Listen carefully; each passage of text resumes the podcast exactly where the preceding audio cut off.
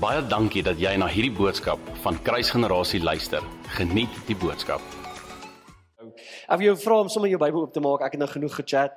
Ek wil jou vra om sommer jou Bybel oop te maak by Handelinge 22.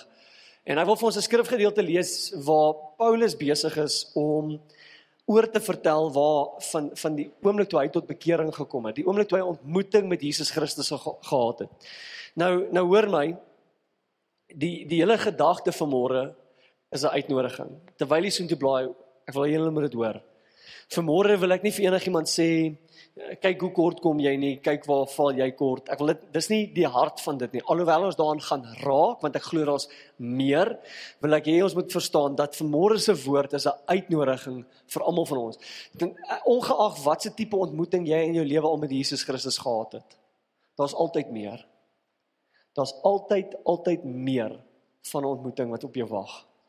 En so ek wil jou vra as ons hierdie gedeelte lees en wanneer ek van die goed gaan deel wat ek vanmôre deel om jou hart oop te maak vir die meer wat God vir jou instoor het in Jesus Christus.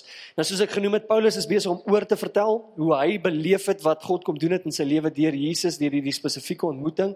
En hy sê iets baie interessants wat ek dink amper die platform skep vir waartoe wil gaan vanmôre. Hoor hierso, hy sê in vers 12 begin hy. Hy verskyn hier voor 'n klomp godsdienstige leiers en hy sê vir hulle en 'n sekere Ananias, 'n vrome man volgens die wet wat 'n goeie naam gehad het by al die Jode wat daar woon, het na my gekom en my gaan staan en vir my gesê: "Saul, onthou toe was Paulus Saul gewees. Broeder, word siende. sien wat gebeur het in hierdie oomblik is toe hy Jesus ontmoet het op die, op hierdie pad, toe word hy blind en hy word gestuur na 'n spesifieke plek toe. Dis waar hierdie man natuurlik ontmoet en hy sê vir hom word siende en op dieselfde oomblik het ek hom aangekyk. Met ander woorde in dieselfde oomblik toe kom Paulus sien. En hierdie man sê vir hom die volgende, hy sê die God van ons vaders het jou voorbeskik om sy wil te ken en die regverdige te sien. Ek weet nie of julle besef nie, maar die regverdige hier so praat van Jesus.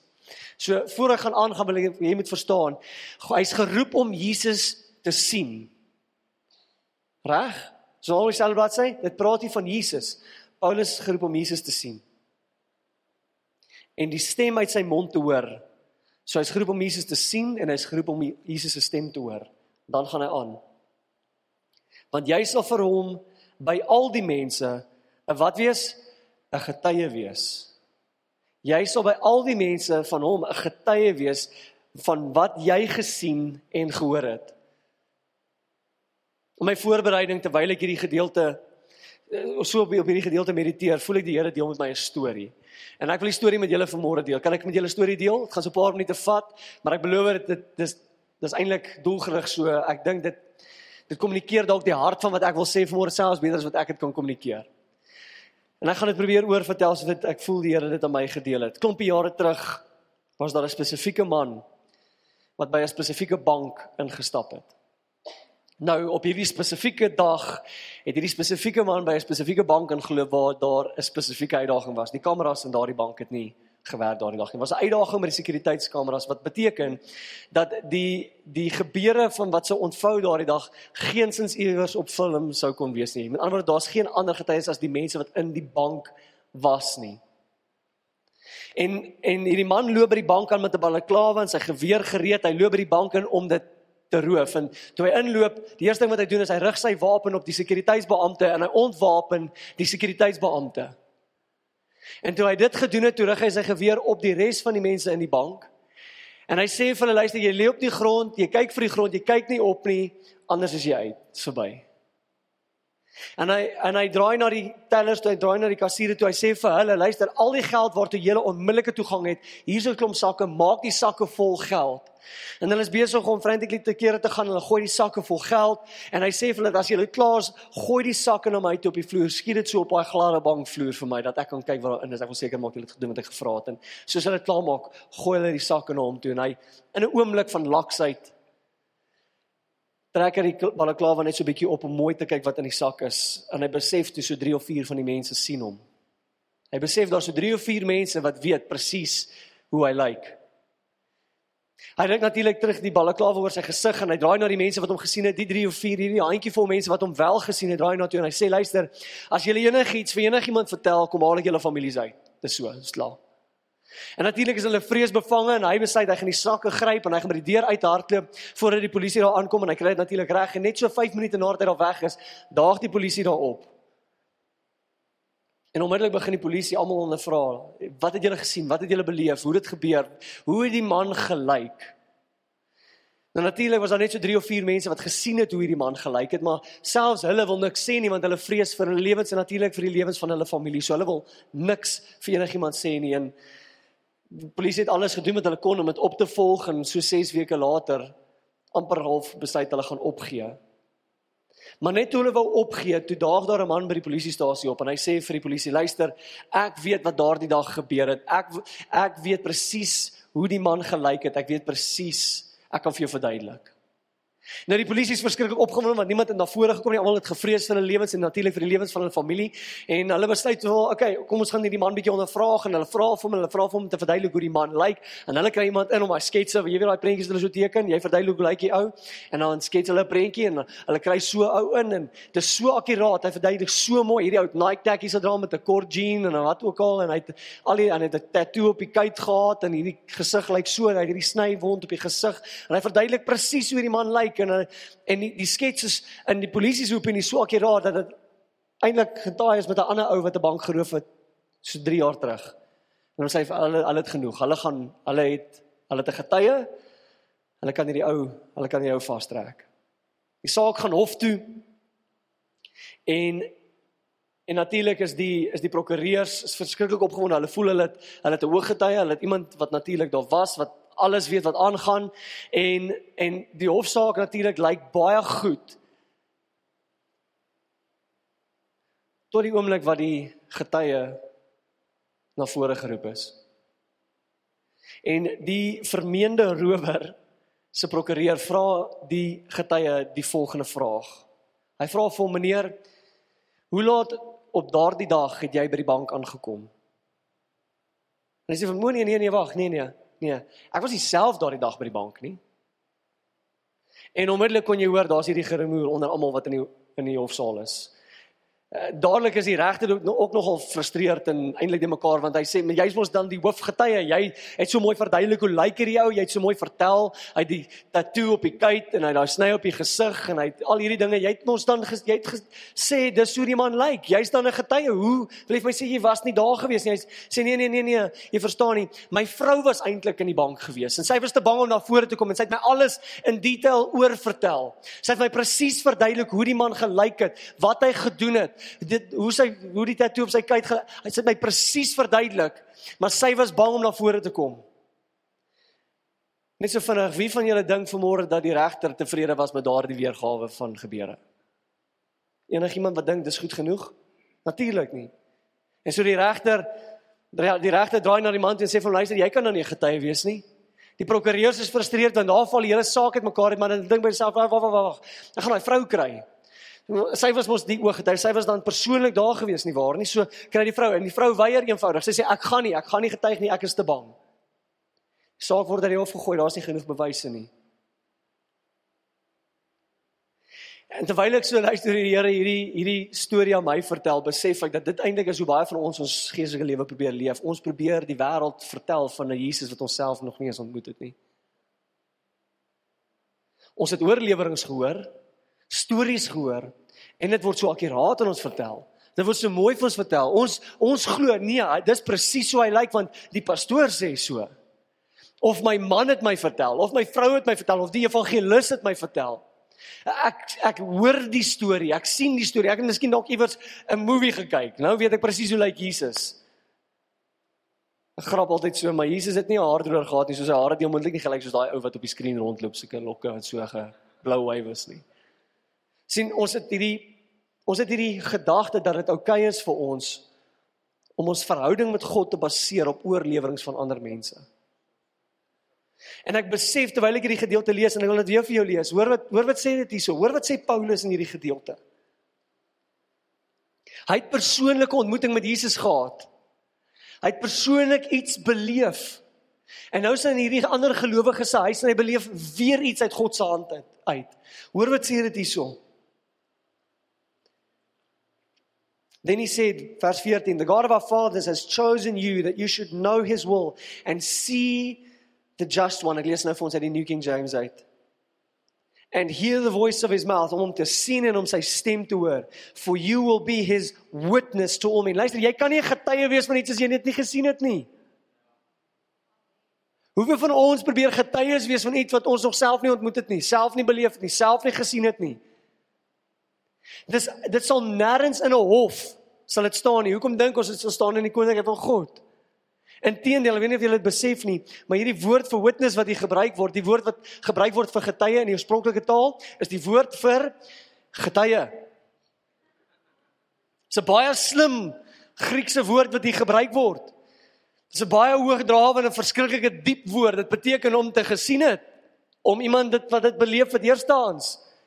En en dit is my interessant dat ons probeer eintlik leef sonder 'n persoonlike ontmoeting met hom. En dan ander mense vertel hoe belangrik is dat hulle hom moet ken terwyl ons dit self nie dra nie. Ek wil jou vra vandag ken jy hom werklik? Ek meen wandel jy saam met hom? Het jy 'n ontmoeting met hom gehad wat jou hele lewe omgekeer het? Ek dis asof ek wanneer ek luister na baie gelowiges dan dan is dit asof ons die evangelie verkondig van die social distancing Jesus. Ek meen ons leef nou in so 'n tyd nie waar nie? Hy het gekom maar nou is hy daar en hy is net daar. Daar, ver weg. Nie vir my persoonlik nie. Meer naby genoeg dat ek dink ek kan sê ja. Ja. Maar ver genoeg om nie persoonlik aanraking te hê en kontak te hê nie. Jy vra vandag dat as hy kies om homself te openbaar as 'n bruidegom en jy as die bruid, 'n vader en 'n seun, as hy kies om homself so te openbaar, wat wat 'n tipe verhouding kan sonder kontak voort voortstaan? Voortbestaan. Is daar enige tipe verhouding wat jy kan hê met iemand wat geen kontak het nie? Hy stel nie belang in 'n lang afstand verhouding nie. Geensins. En nou wil ek vra vandag as die, as die God van hemel en aarde nie tevrede is met 'n langafstand verhouding nie, hoekom is ons? As hy nie tevrede is daarmee nie. As hy 'n dieper begeerte het, as hy 'n groter begeerte het, hoekom het ons nie 'n groter begeerte nie? Ek vra myself die vraag af want hy Paulus word hier geroep as 'n getuie van dit wat hy gehoor het en dit wat hy gesien het. 'n Fisiese ervaar hy persoonlik het iets beleef. En dis dit waarvan hy getuig. Hierdie God wat sy wêreld betree, want ek wil vir jou sê, ons dink baie keer nee nee, hy's nou een kant, maar ek wil vir jou, ek wil vanmôre vertel, weet jy dat so lief het God die Vader die wêreld gehad? Hy het 'n begeerte vir 'n fisiese wêreld, vir fisiese mense gehad dat hy sy enigste seun gegee het, die woord wat vlees geword het, hy wat ons wêreld betree het sodat hy met jou kan vereensgewig maar ook met jou 'n fisiese verhouding kan hê.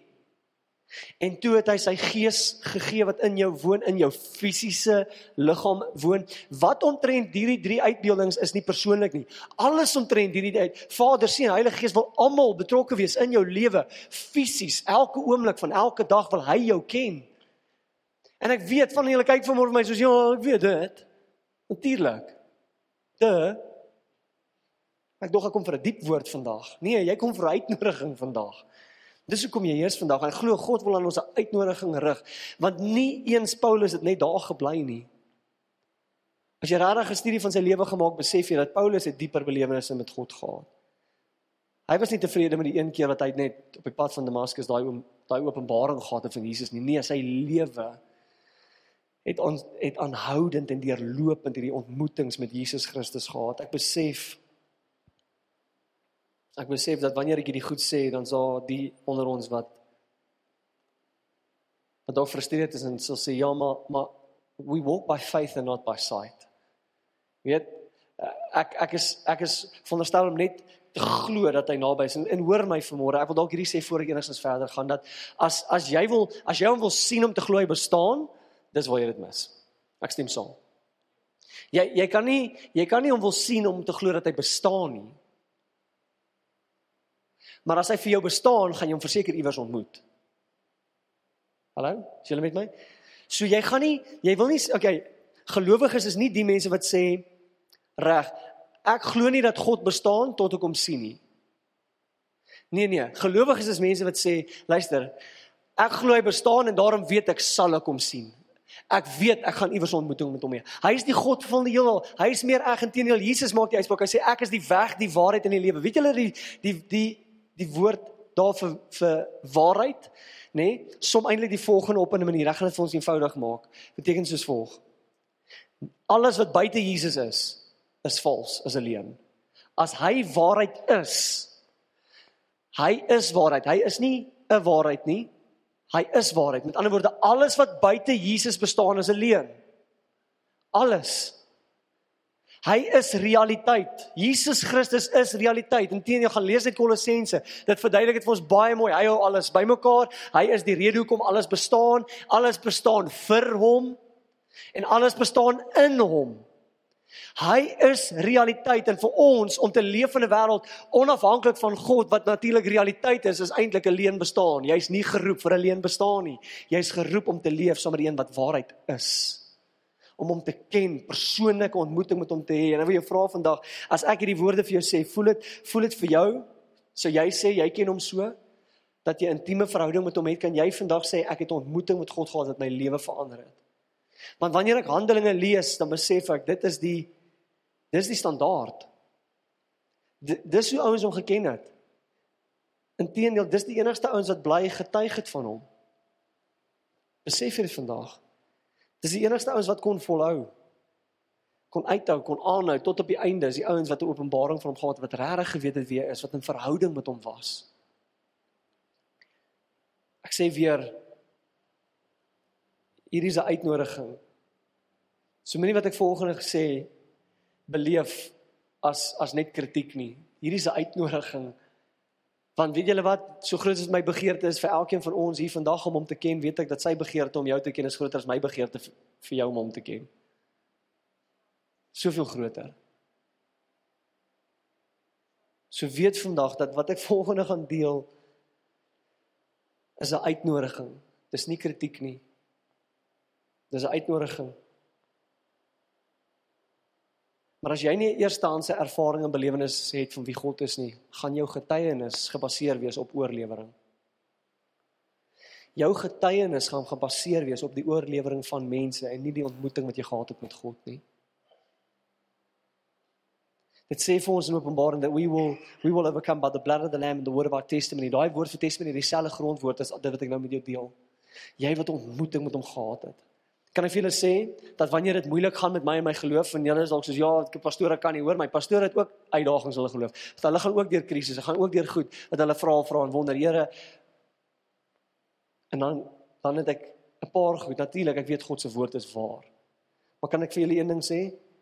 Een van die hoofgoed in my lewe wat ek weet my deurdra in moeilike tye is wanneer ek weet God het opgedaag in my lewe en my totaal 'n nuwe skepsel gemaak die oomblik toe ek 'n ontmoeting met Jesus Christus gehad het in my kamer. Ek was nie eens in 'n kerk gewees nie. Miskien was jy in 'n kerk gewees, miskien was jy by 'n kamp gewees, miskien was jy saam met jou vrou besig om Bybelstudie te doen. Ek onafhanklik, miskien ook in worship. Dit maak nie saak nie. Hoor my vanmôre. Die oomblik toe jy 'n ontmoeting gehad het, vir my was dit in my kamer. In my kamer as 'n derdejaars student op op, op tikkies gewees het ek 'n ontmoeting met Jesus Christus gehad wat my hele lewe verander het. Hy was daar gewees. Nou ek het hom nie gesien met my oë nie, maar ek het geweet hy's daar. Ek het gelag, ek het gehuil, ek het geween voor die Here oor sonde en ek was bly oor die geregtigheid wat hy na my toe gebring het in Jesus Christus. Maar I was like a moth to a flame. I was drawn to him. Ek was hom toe getrek en ek het geweet hy's daar. Ek het geweet hy hoor elke woord wat ek sê en elke woord wat ek dink het ek geweet is by hom bekend. Ek weet hy ken my. En ek weet dat ek hom ken gebaseer op die feit dat ek hom ontmoet het. Sien, niemand kan stry met dit nie. Hulle kan stry met my redenasie oor die skrif miskien, maar niemand kan met my stry. Ek weet ek het God ontmoet. Ek weet ek ek weet ek ken hom want ek het hom ontmoet. Ja, maar terwyl hoe weet jy, hoe weet jy dis nie net jou verbeelding gewees nie. Luister, ek was so my sonde gewees. Ek was so lief vir my sonde gewees. My verbeelding wou net sondig. My my verbeelding kon nie heilige God opdink nie. Ek het nie daardie vermoë gehad nie. Jy het my lewe verander. En hy het dit gedoen deur my toe kom ontmoet, deur my lewe aan te raak. En hy wil dieselfde vir elkeen van ons doen en ek ek dink baie keer dan kyk ons so na die skrif en ons dink dis vir hierdie mense gewees. Net daar sê ja, dis nou great en alles, is nou mooi, ek sien dit in die skrif, maar dis Paulus. Men Paulus. Hy's 'n groot apostel gewees. Dit was vir hom gewees. Hierdie hierdie tipe lewe was vir hom gewees. Dit was nie vir vir my nie. Ek wil vir jou sê jy Handelinge 1 gelees want eintlik dieselfde ding gebeur in Handelinge 1. Jesus verskyn aan disippels. Wie vra vra as jy disipel? Hallo? As jy disipel kan ek jou aansien as jy disipel van Jesus Christus, net so vinnig, reg? OK, meeste van ons, ek dink so 98%. Vir die res ons gaan na die tyd vir jou bid. So 98% van ons vandag sê ek is 'n disipel van Jesus. Hy praat met sy disippels. En wanneer hy met hulle praat, praat hy nie net met die 12 nie, of eintlik die 11. Want die 12 die was toe nog nie aangestel weer nie om Judas se plek te neem nie. So hy praat nie net met die 11 nie. Hy praat nie net met die apostels nie, hy praat met almal wat daar vergader is voor hom. En hy wys, hy openbaar homself, hy hy verskyn voor hulle. En dan sê hy vir hulle die volgende. Hy sê vir hulle ander in 1 vers 8 sê vir hulle en julle sal krag ontvang wanneer die Heilige Gees op julle kom en julle sal my getuies wees. Julle sal van my getuig want julle het my gesien, julle het my woord gehoor en dan het julle ontmoeting met my Gees. Jy het 'n ontmoeting met my wat maak dat jy van my wil praat. Ek wonder of mense wil nie van Jesus praat want hulle het self nog nooit 'n ontmoeting gehad nie. Daar kan nie mense vertel van Jesus nie. Luister as jy ontmoeting met hom gehad het, gaan jy van hom wil praat. Hoor my, hoor wat ek jou sê. Jy gaan iets van hom wil sê. Jy gaan iets wil getuig van dit wat jy gehoor het en wat jy beleef het toe jy in sy teenwoordigheid was. En so hy dis vir sy disippels. Ja, ja, maar dis dis dalk net vir daai eerste klomp disippels gewees. Dis nie noodwendig vir almal gewees nie. OK, kan ek vir julle wys wat doen Jesus met 'n ongelowige ou? Ons noem hom ongelowige Thomas. Alhoewel die Bybel nie so na hom verwys nie. Daar's dalk so 'n element daarvan. Raai gou vir jou jou Bybel na die boek van Johannes toe. Johannes hoofstuk 20. Wat hier gebeur is Jesus verskyn aan aan 10 van sy disippels. Verskyn hy. Hulle is in vrees en bewering oor natuurlik wat besig is om om hulle te gebeur. Hulle vrees vir hulle eie lewens. Hulle is besig om weg te kruip. Jesus verskyn voor hulle. Hy sê vir hulle peace be to you. Hy sê vir hulle receive the Holy Spirit blaas op hulle. En Thomas is nie daar nie. En jy lees bietjie aan dat daar's 'n ander geleentheid. 8 dae later is daar 'n ander geleentheid waar Thomas nou saam met hulle is. En ons lees hierso saam. Net seker maak ek kry die regte vers eerste. Kom ons lees sommer so van vers 25 af. Johannes 20 van vers 25 sê the other disciples therefore said to him we have seen the Lord. Hulle sê ons het Jesus gesien, ons het die verreëse seun van God. Hy het opgestaan uit die dood uit, hy lewe, ons het hom gesien. En ons kyk baie keer na Thomas, Thomas se antwoord en ons sê, ja, hoe ongelowige Thomas. As ek een van die disippels was, sou ek nie dit as die ander disippels van my gesê het hy leef, dan sou ek want onthou, Jesus het hoeveel keer vir hulle gesê hy gaan sterf en hoeveel keer gesê hy gaan opstaan, soos ek van die disippels was, sou ek geglo het as ek gehoor het dat hy leef. En ons sien in hierdie gedeelte hoe Thomas daar staan voor al die ander apostels, voor al die ander disippels, hy sê Hy sê die volgende vir hulle. Hulle sê vir my leef, hy sê die volgende. Unless I see in his hands the prints of the nails and put my finger into the prints of the nails and put my hand into his side, I will not believe. En as jy nou sien, ongelowig. Kyk hoe man para, hy glo nie. Hoor gegooi.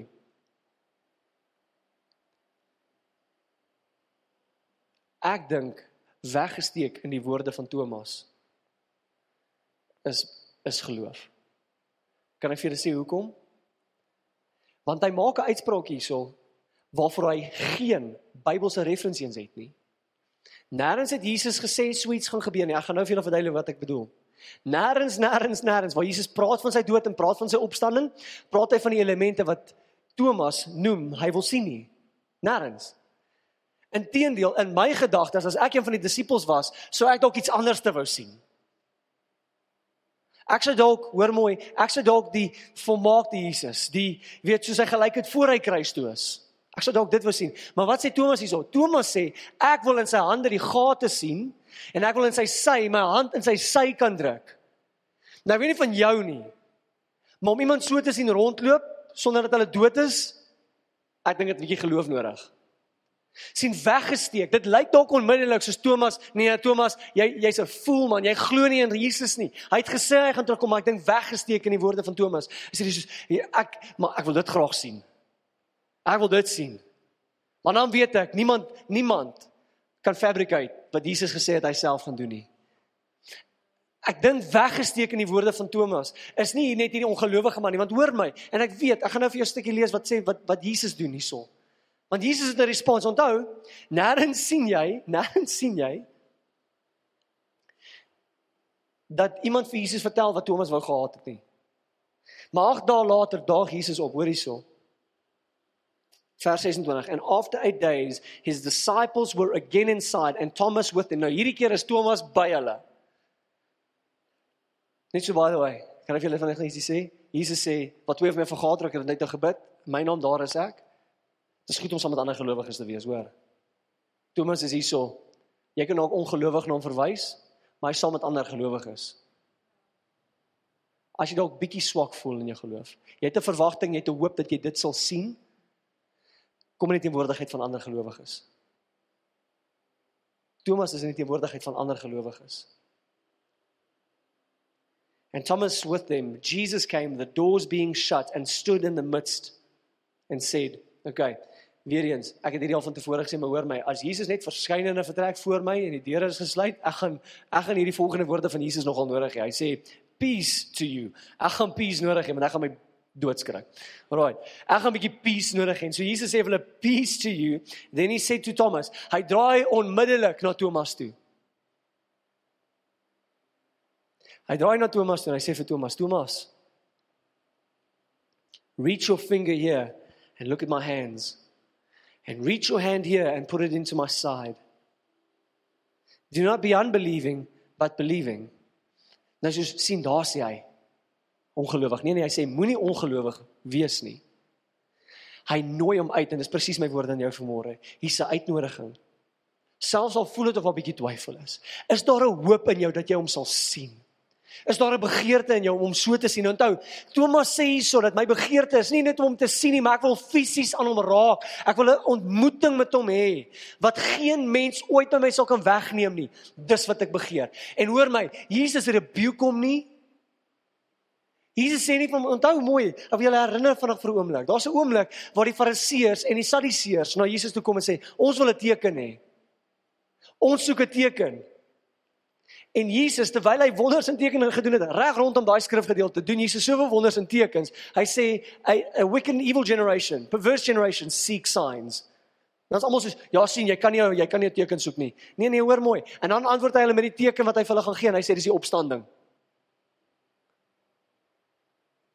Hoor gou-gou.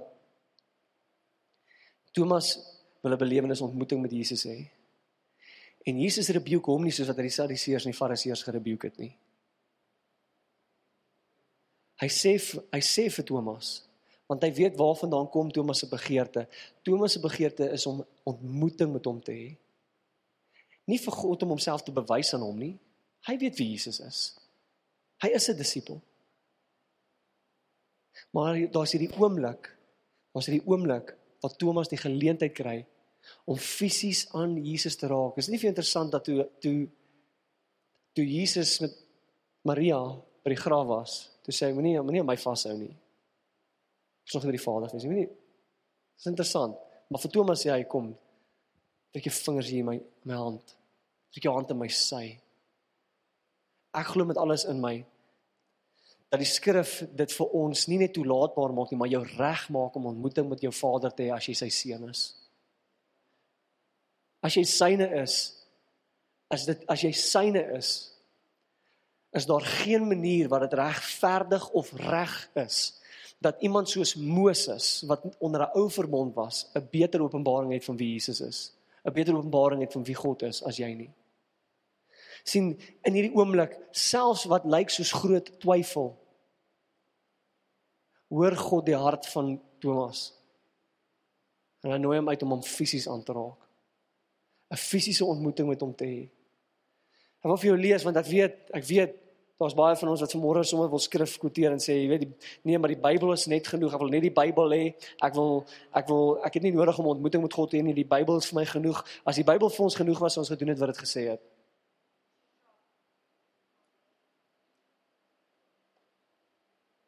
Daar's 'n klomp Thomas onder ons in elk geval. Ons wil nie sê ons is Thomas nie, want dan voel ons ons net ongelowig. Nee, daar's baie keer in jou hart is daar 'n hoop dat jy hom sal ontmoet. Maar of jy vanmôre skrif lees Nou wil jy vra vir wie dink jy is hierdie geskryf Matteus hoofstuk 5. Ons het hierdie bergpredikasie gewerk oor die in so aan die einde van van verlede jaar. En Jesus praat self hierso. En hoor wat sê hy hierso?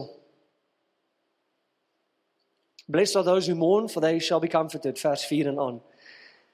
Blessed are the meek for they shall inherit the earth. Blessed are those who hunger and thirst for righteousness for they shall be filled. Blessed are the merciful for they shall obtain mercy. Hoor vir my vers 8 net gou hierso. Blessed are the pure of heart for they shall see God. Hoe word jy pure of heart? Het ek net vir ons gelees Psalm 24 nie inteendeel who may ascend God's holy mountain only those who whose hands are clean whose hearts are pure. Hoe word jy so? Hoe word jy pure of heart om hom te sien? Deur geloof, nie waar nie? deur geloof in Jesus Christus. Hy reinig jou. Hy maak jou heel. Jesaja 36 sê that he will give you a new heart. He will replace the heart of stone with a heart of flesh. So dit gebeur by wedergeboorte, by bekering. So dit gebeur met geloof in Jesus Christus waar jy hom dalk nog nie gesien het nie. Maar die oomblik wat jy geloof in hom het, is daar vir jou die geleentheid om 'n lewe van ontmoeting consistently met hom te hê. Dis vir jou bedoel. Jy's gemaak daarvoor. Jou openbaring van wie God is Ja, gaan ook nou ding sê wat ek weet.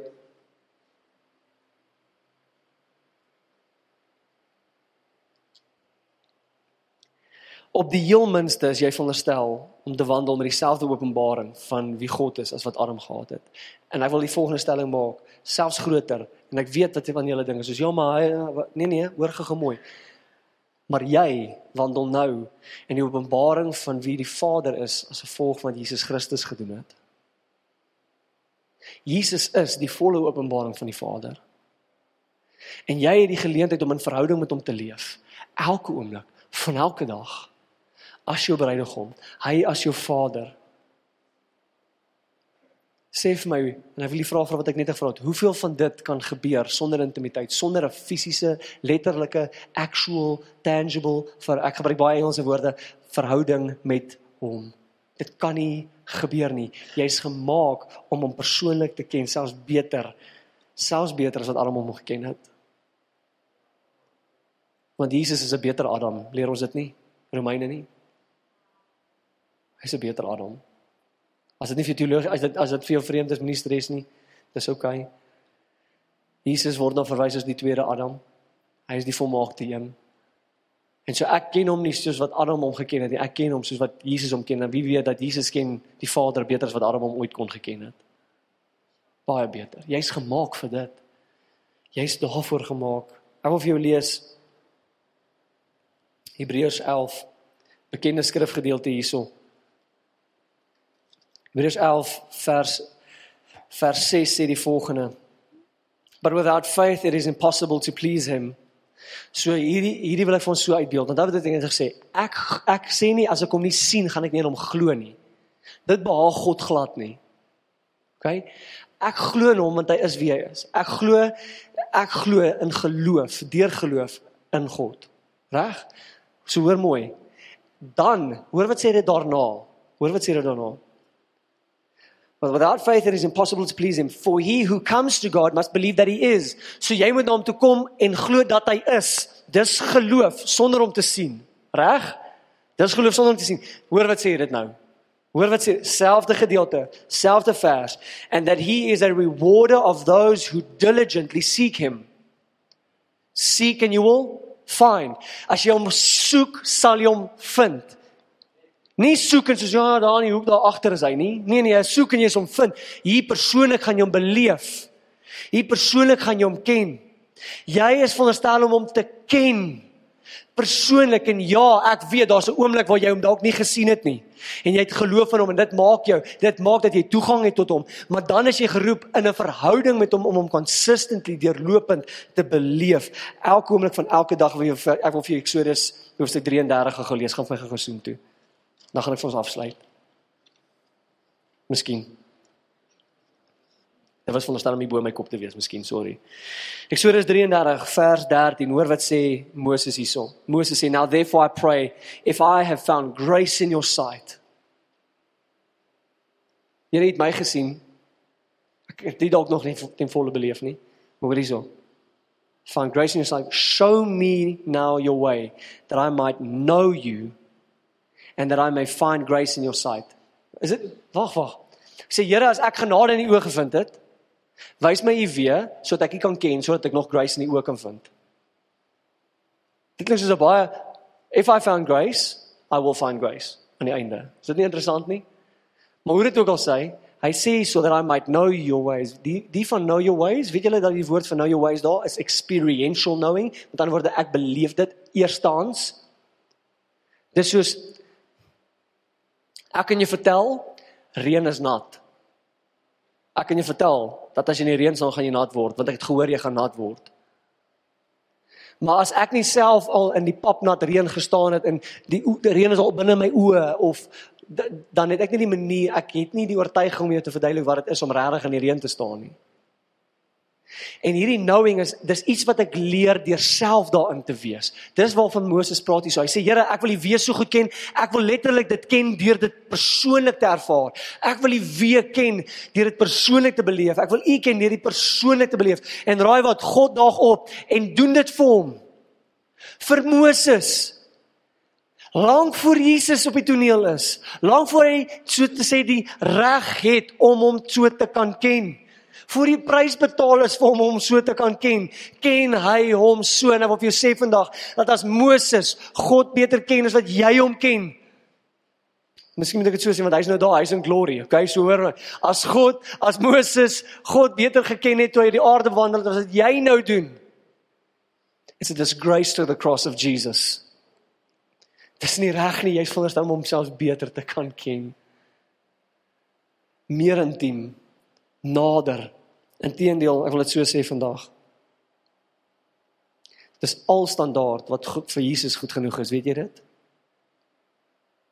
Dis al standaard wat vir Jesus goed genoeg is.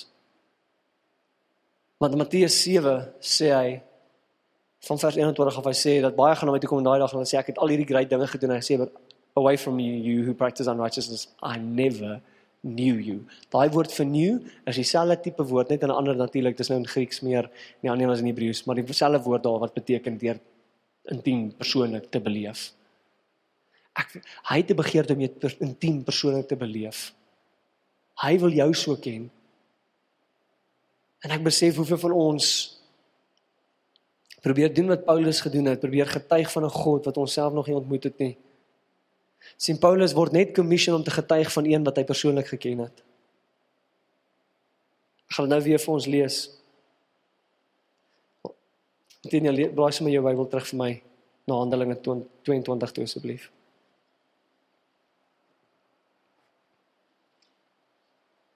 Bill Johnson maak 'n profound uitspraak. Ek het dit so voor die voor die diens toe dink ek eers daaraan ek toe word ek so herinner my gees daaraan. Hy sê that we owe the world an encounter with God. Ons is die wêreld 'n ontmoeting met Jesus Christus verskuldig. Kan ek iets net aan net bysit, net bylas? Dis onmoontlik vir jou om iemand vir iemand 'n ontmoeting met hom te fasiliteer of te bring. Daai encounter wat ons hulle verskuldig is, kan nie gebeur as ek hom nog nie encounter het nie. As jy hom nie beleef het nie, hoe gaan iemand anders hom deur jou beleef? Jy is die wêreld dit verskuldig, maar jy kan dit nie vir hulle bring as jy hom nie self geken het, self ken nie. Inteendeel in Handelinge 4, ek dink is vers 12 of 13 sê dit daarso dat toe toe die mense om die disippels na hulle gekyk het, het hulle hulle boldness gesien and they knew that they had been with Jesus. Kan die wêreld sien dat jy by hom is? Kan die wêreld sien dat jy tyd met hom spandeer, dat jy hom regtig ken? Persoonlik ken, intiem ken en beleef?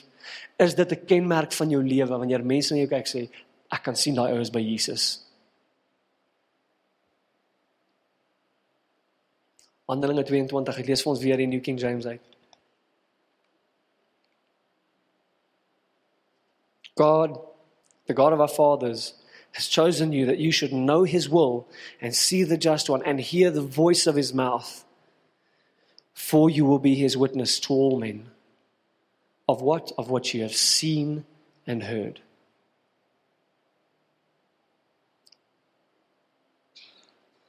God vra nie vir jou om die oorlewering van 'n verhaal om die oorlewering van 'n storie te bring nie. Hy vra nie vir jou wat daai vrou van haar man gevra het in die verhaal gaan vertel jy van die wat ek gesien het.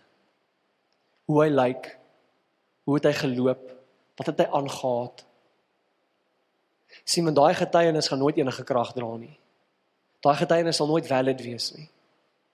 Paulus is geroep om te getuig. Jy kan net 'n getuie wees van dit wat jy persoonlik beleef het. En Paulus is geroep om 'n getuienis te wees van dit wat hy beleef het en jy is geroep om 'n getuienis te wees van dit wat jy beleef. Jy is nie geroep om bloot ja, ons getuig natuurlik van wat die woord vir ons leer, natuurlik. Maar ek kan nie getuig van dit as dit nie in my eie lewe persoonlik geraak het nie. Ek kan nie. En so jy word ook geroep om nie net te getuig van wat Paulus beleef het nie, om persoonlik van jou belewenis, wat God in jou lewe gedoen het. Inteendeel Paulus sê die volgende ding op 'n ander plek, sê Paulus in een van sy briewe, hy sê ek dink is in Romeine. Nou is in Romeine waar hy sê dat ek sal nêrens vir iemand iets vertel as God dit nie deur myself gedoen het nie. Is dit nie 'n groot stelling nie? Hoeveel getuienisse het jy?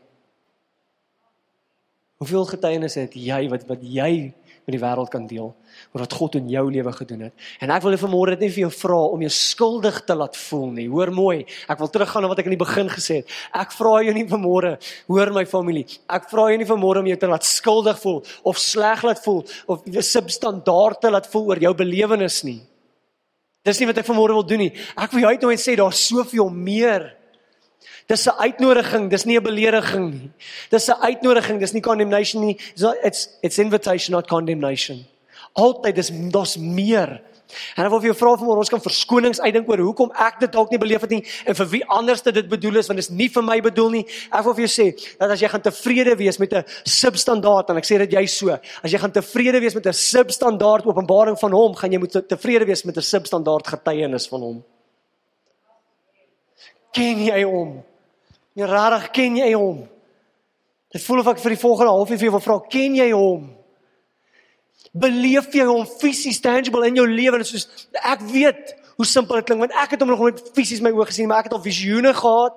Ek het al drome gehad waar hy letterlik aan my in so 'n manier om homself my openbaar. Ek weet sy teenwoordigheid oorweldig my op 'n gereelde basis. Ek weet ek ken hom, hy openbaar sy hart aan my en ek weet dis ek wat dit nie kan uitdink nie. Ek weet ek kan nie aan hierdie goed dink nie. Hy doen dit in my lewe. Ek doen dit nie. Dis nie asof ek hier staan vanmôre en sê, "Hoe kyk nou maar." Nee, Paulus het nie so vir mense gestaan nie. Ek wil nie so vir mense staan nie en ek weet dat geen een wat hom werklik ken wil vanmôre vir u staan sê, "Kyk my openbaring van Jesus nie." Almal wat wel ware openbaring van hom het, wil jou uitnooi en sê, "Jy het nodig om dit vir jouself te proe." Taste and see that he is good. Jy moet. Niemand proe vir jou nie. Niemand sien vir jou nie. Jy doen. Niemand kan dit vir jou doen nie. Ek sê dit vir Enrico Vrydag aand en ek sluit hiermee af. Ek het vir julle gesê miskien so. Ek sê vir Enrico Vrydag aand ons chat so 'n bietjie oor oor ons kinders. En en julle my kinders het profetiese woord oor hulle lewens waar ek verskriklik opgewonde is. En en ons het sekere challenges met ons kinders natuurlik soos elke ouer natuurlik mag hê en en het. Maar ek vertel hom iets wat ek vir Liesel sê so so rukkie terug is dat ons moet besef ons kinders wanneer hulle hierdie wêreld inkom saam met al die mooi drome wat ons vir hulle lewens het, saam met al die mooi ideale wat ons vir hulle lewens het, saam met al die profetiese woord wat hulle ontvang. Hulle is nie weergebore as hulle gebore word nie. Wie van julle weet dit? Ek meen, hulle is nie nuwe skepseltjies as hulle uit die maag uitkom nie. Hulle moet God vir hulle self ontmoet. Hulle het 'n persoonlike ontmoeting met hom nodig self. Maak saak wie hulle pa of ma is nie. Maak saak wat se profetiese woord hulle ontvang het nie. Hulle het nodig om God vir hulle self te ontmoet. Nou as dit waar is van hulle, is dit waar van elke liewe een van ons. Ons kan nie ons kan nie leef in die openbaring van 'n pastoor nie. Ek kan nie ek kan nie afhanklik wees van dit wat die pastoor vir my gesê het. Ek het nodig om homself te ontmoet. Wil vir jou sê vanmôre, Hier is nie vir jou te sê kyk my openbaring, kyk my openbaring en voor voor jou neerstaan nie. Nee, is vir jou te sê jy is verstel om hom persoonlik te ken. Om self te kan getuig van wat hy in jou lewe gedoen het. Soos wat Paulus geroep is om te getuig van die goed, goed wat God aan hom openbaar het, is jy veronderstel om te kan getuig van die goed wat God aan jou openbaar het. Moenie tevrede wees met 'n substandaard openbaring nie. Moenie tevrede wees met 'n oorlewering nie. Want dan gaan jy net ander mense se getuienis moet oorlewer. En dis nie waarvoor jy geroep is nie. Maar 'n laaste gedagte. Beloof. Ek nou beloof. Daar is 'n openbaring van Vader se hart wat nie hierdie wêreld sal sien nie of wat die wêreld ook nie sal sien nie as jy dit nie na vore bring nie.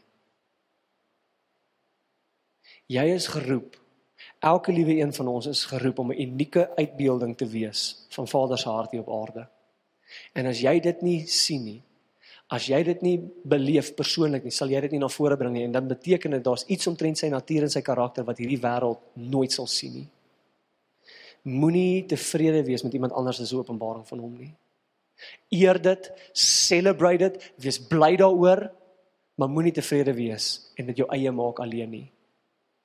Hy wil jou ken. Ek koop jy wil hom ken. Ek koop jy wil hom ken. En jy vra, wil jy wil jy nie daar waar jy is net nou oosluit en jou hand net op die bors sit nie. En wil vir jou bid vir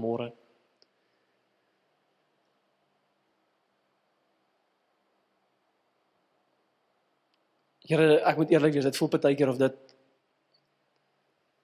en ek miskien bely ek dit nou sommer so. Maar Here, dit voel baie keer of dit alles wat ek van mense wil vertel. Is wat ek vanmôre vertel het. Ja, yes, Here, jy het so begeerte om mense te ken.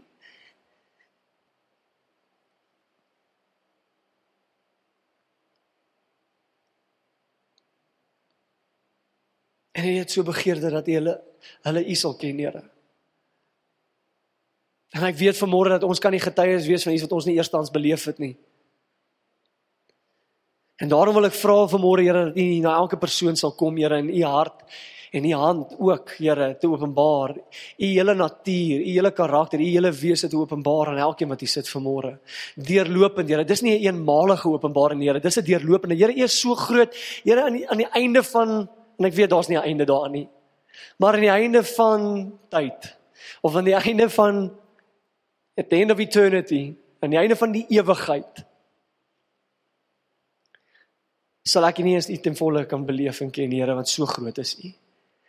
Daar's nie 'n manier wat een openbaring van U die volle prentjie vir my gaan skilder nie. En daarom weet ek ons is deurlopend uitgenooi na meer en groter en dieper openbarings van wie is, Here. Dit beteken dat ek nooit verveeld kan raak nie, Here, want daar's altyd soveel meer aan U en dit wat U in U hart het om aan my te wys en te openbaar, Here, daar's soveel meer. En mag ons nie stil staan nie, Here. Mag ons dan dieper delf en sê, Here, nog van U, meer van U vir my lewe, Here. 'n Dieper openbaring, 'n groter openbaring van wie U is, Here. Here, ons wil U ken. En ek wil vanmôre bid en verklaar aan elkeen dat hulle U sal ken deur persoonlike ontmoeting, deur persoonlike aanraking, selfs Here soos Thomas. Dis my gebed vir elkeen hier vanmôre. In Jesus naam. Baie dankie dat jy na hierdie podcast geluister het. Indien jy die boodskap geniet het, deel hom asseblief met jou vriende.